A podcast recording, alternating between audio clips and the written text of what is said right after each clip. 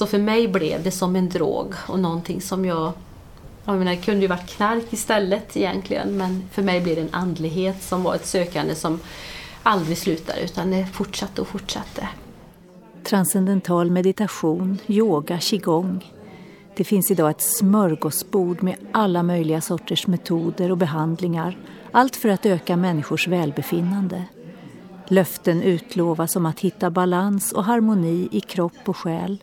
Något som många menar kommer att göra en enorm skillnad bara man håller ut. Karina ska snart berätta om sina erfarenheter. Välkommen till Hannas Café. Jag heter Stina Backlund. Och jag heter Maggan Johansson.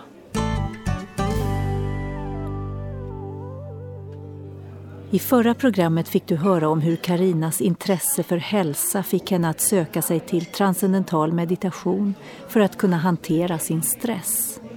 Det ledde henne djupare in i en osund andlighet som till slut gjorde att hon avskärmade sig från sin familj.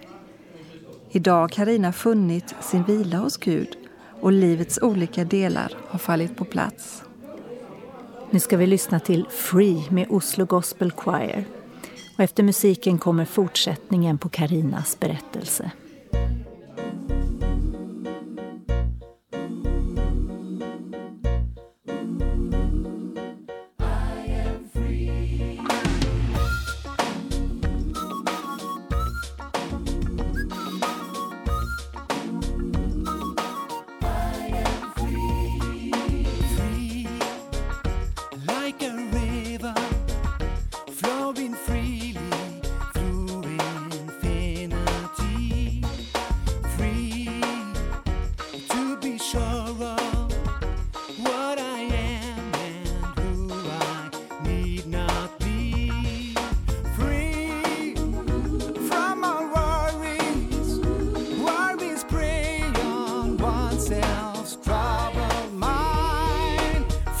Faster than the clock's hands, kicking away the time. Freer than the meaning of free that man defines.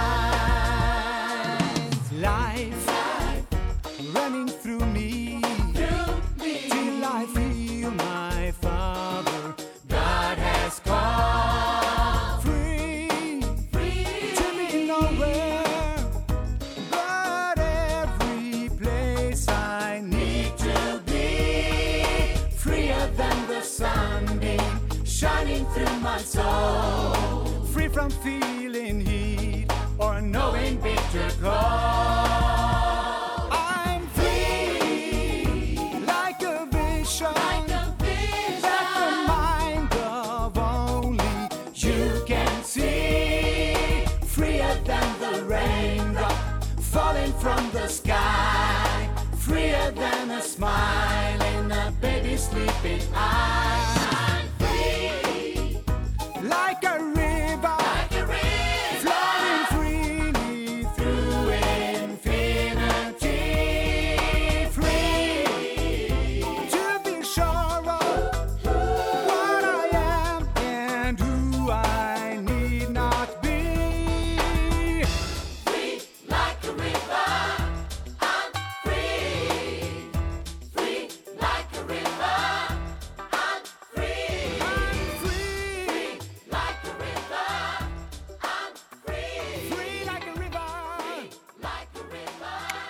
Idag finns det en hel uppsjö av litteratur och hälsomagasin som vill hjälpa människor till en bättre hälsa.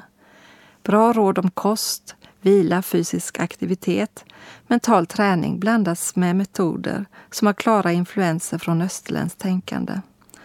För Karina betydde den nya kunskapen och hennes nya vänner allt, men klyftan till familjen växte. Jag läste mycket litteratur och jag gick på kurser så jag var ganska så uppslukad av detta. Och eh, i detta så kom också kanske en viss kyla till min familj och att jag tog ett avstånd från dem och tyckte att de var lite efter om jag får säga så. Och eh, stängde kanske ute de människor som egentligen betydde allra mest för mig.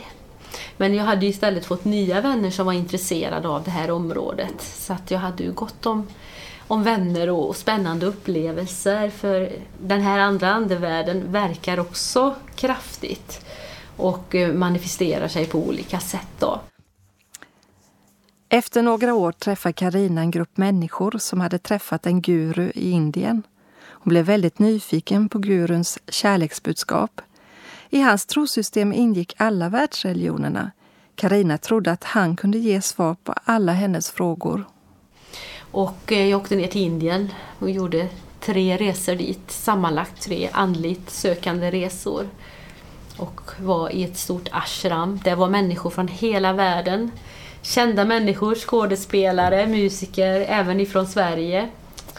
Och eh, en fascination över den här mannen som kommer ut ur sin kammare kan man säga ett par gånger om dagen och ut i det här folkhavet av människor som sitter där och folk vill gärna att han ska se just dem eller ta ett brev ifrån från om du håller ett brev i handen att han ska ta det.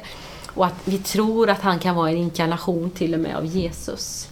Eh, för det är också någonting som sägs att han är en inkarnation utav tidigare eh, en annan Sai Baba och eh, dessutom kan han vara en inkarnation av Kristus. Då. Från att ha sökt efter ett sätt att lugna sitt sinne var hon nu mitt uppe i något som gav henne allt annat än frid i själen.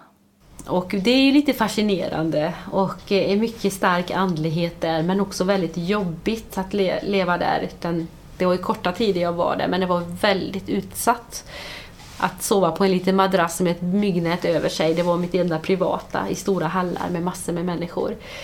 Och upp tidigt på morgnarna för att sitta och vänta, att få komma in i, i köerna då och få sätta sig där och ta emot. Eh, och varje gång jag kommer hem ifrån de här resorna så är jag ju helt slut, helt urlakad och oftast sjuk också då. Eh, och tror att ja, men det är väl ett jättebra sätt att jobba på min karma och på det som jag...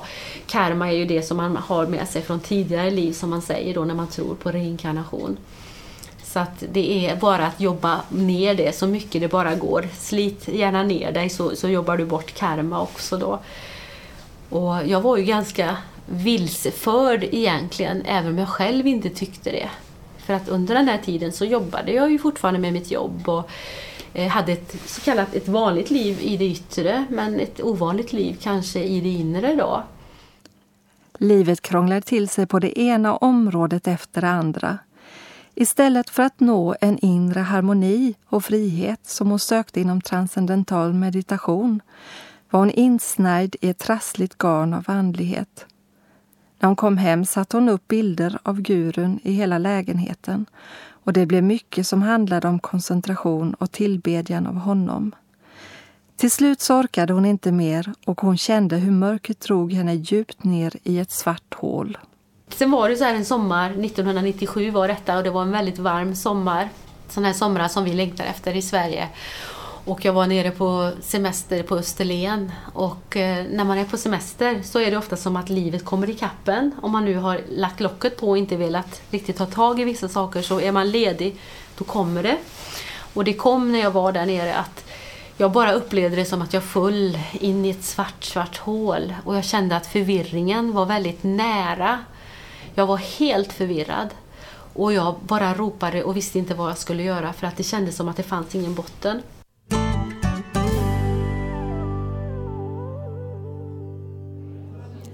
Karinas andliga resa började med transcendental meditation som hon såg som en avslappningsmetod. Om du inte lyssnade på det första programmet med Karina så rekommenderar vi dig att göra det. Det finns så många olika alternativa behandlingsmetoder och terapier inom hälsobranschen som vill ta ett helhetsgrepp om människors liv. Jag tror att många inte är medvetna om att det finns en stark ideologi bakom flera olika behandlingsformer inom den så kallade hälsosektorn. Ja, du säger att många inte är medvetna om det. Om man är osäker kan man ställa frågor till behandlaren. Ja, att ställa frågor är ett bra tips. Man kan till exempel fråga varför behandlaren tror att detta skulle fungera. Pratar de då till exempel om energier så finns det en bakomliggande ideologi som är kopplad till new age och nyandligt tänkande. Ja, det är viktigt att kunna skilja ut det som ligger bakom. Men det är också viktigt att säga att inte alla alternativa behandlingsmetoder är kopplade till nyandlighet. Det är bra att ta reda på vad behandlingen går ut på så att man har möjlighet att dra sig ur ifall man misstänker att man blir insnärjd i en osund andlighet. Nu lyssnar vi till Du som känner med Maria Gustin Bergström. Du som känner all min längtan och hör mig varje gång jag ber förstår min trötta tankes irrgång och ser långt mer än ögat ser. Lär mig vila i din närhet i fridens trygghet i din famn och lär mig lita på din kärlek på kraften i ditt ljuva namn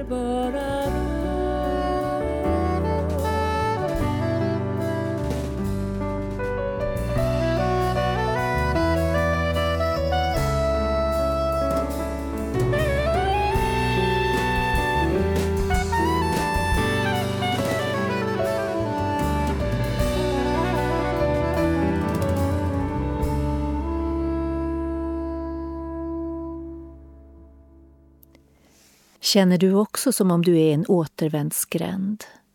För Karina hade livet blivit så tilltrasslat att hon varken visste ut eller in. Och då i alla fall så ropade jag på hjälp för första gången. För innan hade jag kämpat så mycket ensam med mina egna metoder och sätt att uppnå bättre hälsa och mental, mental eh, stabilitet och vad det nu var. Men då så ropade jag på hjälp och det var första gången jag gjorde det. Och då är det som att jag, jag bara säger ord som inte kommer från mig men som jag får och det är att jag måste gå till kyrkan. Och kyrkan är inte den där första platsen som jag söker i utan jag reser hellre iväg till Indien. Så långt bort som möjligt, så äventyrligt som möjligt, det passar mig bra. Men här säger då något inom mig att jag måste gå till kyrkan. Och det första jag gör är att jag går till kyrkan i Simrishamn, är det väl jag är nere på Österlen, och sätter mig och mediterar. För det är det enda jag vet. Men när jag kommer hem sen till Göteborg igen så pockar detta på och jag vet att nu har jag nått vägs ände. Jag står i en återvändsgränd och mitt liv håller inte måttet längre. Jag klarar inte av att leva på den lögnen som jag hade byggt mitt liv. Eh, och jag ser en liten kyrka precis bredvid där jag bor, som jag inte har sett förut. Och jag går in i den kyrkan en, en varm sommarkväll och eh, tröskeln in till kyrkan är jättehög. Det känns som att man ska klättra över. Och jag kommer in där och känner bara hur full jag är utav att vara mörk och svart. Och jag känner synden, fast det förstår jag inte då, men jag känner själv att jag är full utav ja, full utav skit skulle jag vilja säga rent ut sagt. För det kändes verkligen som att det här är inte bra. Men jag kände också att det fanns någonting rent och äkta där i kyrkan som jag längtade efter och som jag inte förstod. Så nu började ju den här dragkampen att börja gå in i kyrkan men också världens sätt att tänka och det jag var van vid i mina andligt sökande metoder. Så jag gick in och ut i kyrkan och det som händer är väl att lovsången, det fanns en kvinna där som var väldigt överlåten i lovsången och eh, när hon sjöng lovsång så, så, så alltså, då blödde det igenom hjärtat och jag grät och jag grät och jag grät. Och var väldigt eh, tagen alltid efter de här söndagarna, alltid gick fram på förbön. Jag var den enda som gick fram när pastorn sa att är det någon som vill ha förbön så välkommen. Jag sprang fram. Jag hade ännu inte kommit till tro på Jesus men jag bara kände att jag måste ha hjälp och det var hit jag hade fått riktningen den här gången. Och på den vägen den hösten så talar ju Gud och den heliga Ande till mig också om att eh, vad det handlar om att leva som kristen, att börja ta upp vissa saker. Och det första är ju att börja skala av sig en del utav det nyandliga. Och det är ingen som säger till mig vad jag ska göra eller inte göra. Eller så här kan du inte hålla på om du ska gå i kyrkan. Det är inte någon som säger det. Utan det är helt enkelt den helige Ande som hjälper mig att visa saker. Att den där ringen, omringen jag hade som var tecknet för hinduismen, den, den åkte av vid något tillfälle i kyrkan och jag skämdes bara sådär inom mig att det här är ju inte rätt. Och sen slängde jag den när jag kom hem. Och, ja, så gick det några månader och sen så var det väl dags när ett, eh, en kvinna frågade mig om det var dags att jag skulle ta emot Jesus i mitt hjärta. Hon såg ju att jag inte hade gjort det och jag tyckte väl att ja men Jesus är väl bra så jag kan väl liksom tro på honom. Men måste jag be den här bönen? Det var ju min tanke. Men hon sa nu ber vi den här bönen och saken för mig var väl också det att den här gången så hade jag börjat lära känna den som jag nu också skulle be till och säga ja till. Tidigare hade jag helt förbehållslöst bara kastat mig in i de här metoderna vilket jag inte förstår hur en intelligent tänkande människa inte ifrågasätter vad hon håller på med. Men här ville jag veta, vem är den i Jesus? Och där bad jag den här bönen till överlåtelse och eh, att bekänna med min mun och tro i mitt hjärta att han är Herre. Och det händer ju inte någonting i den bönen utan jag som är en upplevelsemänniska upplever ingenting. Och det är lite konstigt då. Men samtidigt är det så finurligt och bra att jag inte behöver känna någonting. Att det inte handlar om blixtar och dunder utan det handlar om ett val att följa. Och då, eh, efter, efter det så svarar också Jesus på mina böner. Då ber jag direkt till Jesus. Och eh, han svarar på ett sätt som jag inte vill men som jag någonstans förstår att det här är rätt. Och jag får börja ta tag i mitt liv i olika saker som hängt med mig bakåt. Och eh, första åren som kristen är väldigt tufft faktiskt. Och där dörrar bara stängs.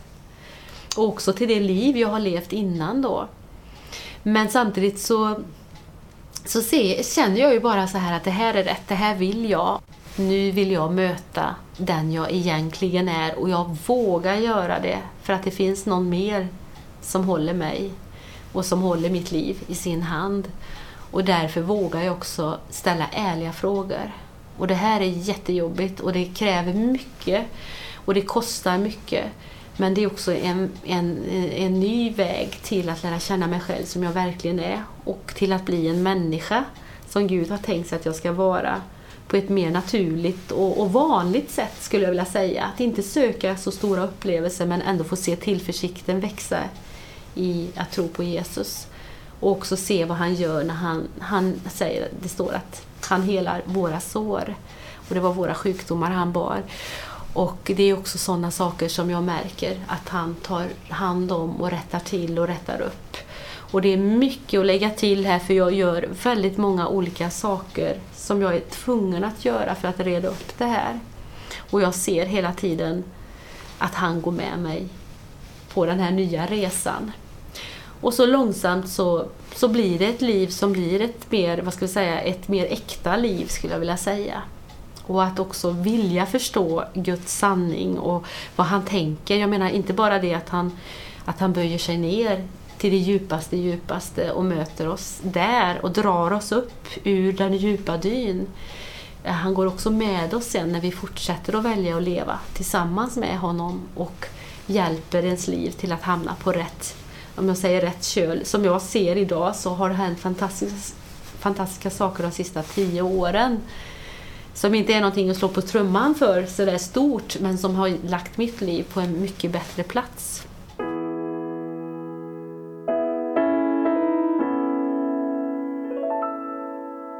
Och så kallar han mig bland annat till Ecuador för jag håller på och läser hälsa igen. Det är dags att skriva en uppsats och jag vill inte skriva den eh, i ett företag i Sverige om hälsa och välfärdshälsa utan jag vill ut någon annanstans.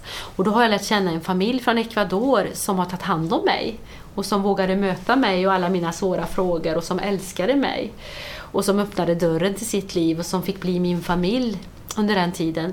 De åkte tillbaka till Ecuador en tid och jag följde med dem.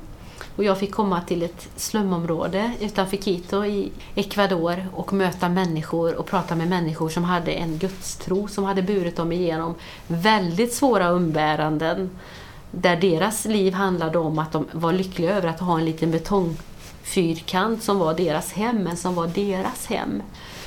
Och eh, när jag såg de här människorna och deras stolthet, alltså den här varma stoltheten över vilka de var i Gud, så kände jag också då att nu var det dags för mig att sätta mig upp. För hade de klarat det svåra livet så är det klart att jag också skulle kunna klara det livet som var mitt då. Och sen skriver jag en uppsats, som sagt, i det slumområdet, eller utifrån det slumområdet. Karina återvänder hem men är snart tillbaka igen och arbetar bland fattiga familjer och barnen på en förskola. Och när jag möter de fattiga barnen, då möter jag också mig själv. Så att det är ju... Det de visar mig, det är ju de här utsatta barnen som jag själv egentligen alltid har varit någonstans. Och jag känner att det är en sån kärlek ifrån Gud i, de här, i det här mötet. Till slut åker Karina hem till Sverige. Strax därefter dog hennes pappa och hon fick veta hur det gick till när hon blev adopterad. Eh, och då får jag veta utav en, en väninna till mig av alla som berättar att min pappa hittade mig på barnhemmet, eller var på barnhemmet. Och att jag hade sprungit fram till honom och sagt pappa och att han hade kommit hem till mamma då och sagt att vi måste ta den tösen. Och det var jag och pappa som på något sätt hade funnit varandra där. Och för mig blev det en sån stark bild på Guds kärlek, hur fadern böjer sig ner till det faderlösa barnet och lyfter upp det i famnen. Och det var så starkt att få veta det här efter han var död. Eh, jag skulle gärna vilja veta det tidigare för jag trodde jag bara var en slump som hamnade i den familjen. Men det visade sig att så var det inte utan Gud hade varit med hela vägen och hade verkligen älskat mig hela vägen. Och eh, det blev starkt och det blev också en slags helande i mig att förstå det, att Gud är en Gud som älskar på det sättet. Han kräver inte någonting utan han bara tar emot oss.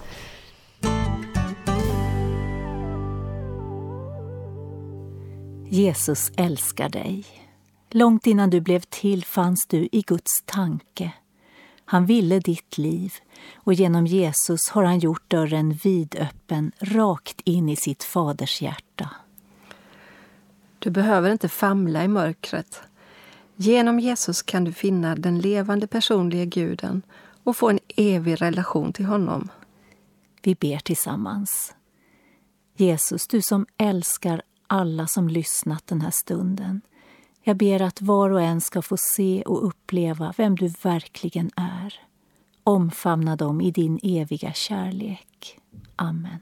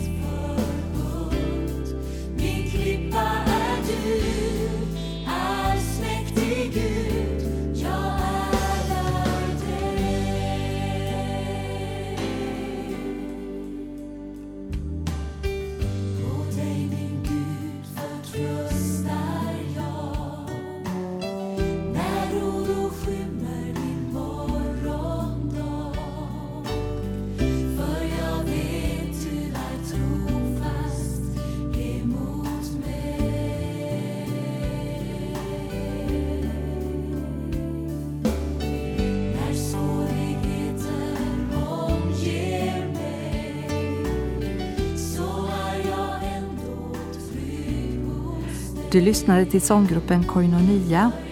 Hannas Café har handlat om hur Karina sökte livets mening inom nyandligheten, men hur hon till slut fann friden hos Gud. Har du tankar och funderingar, skriv gärna till oss. Adressen kommer här. Vi hörs igen. Ta väl hand om dig.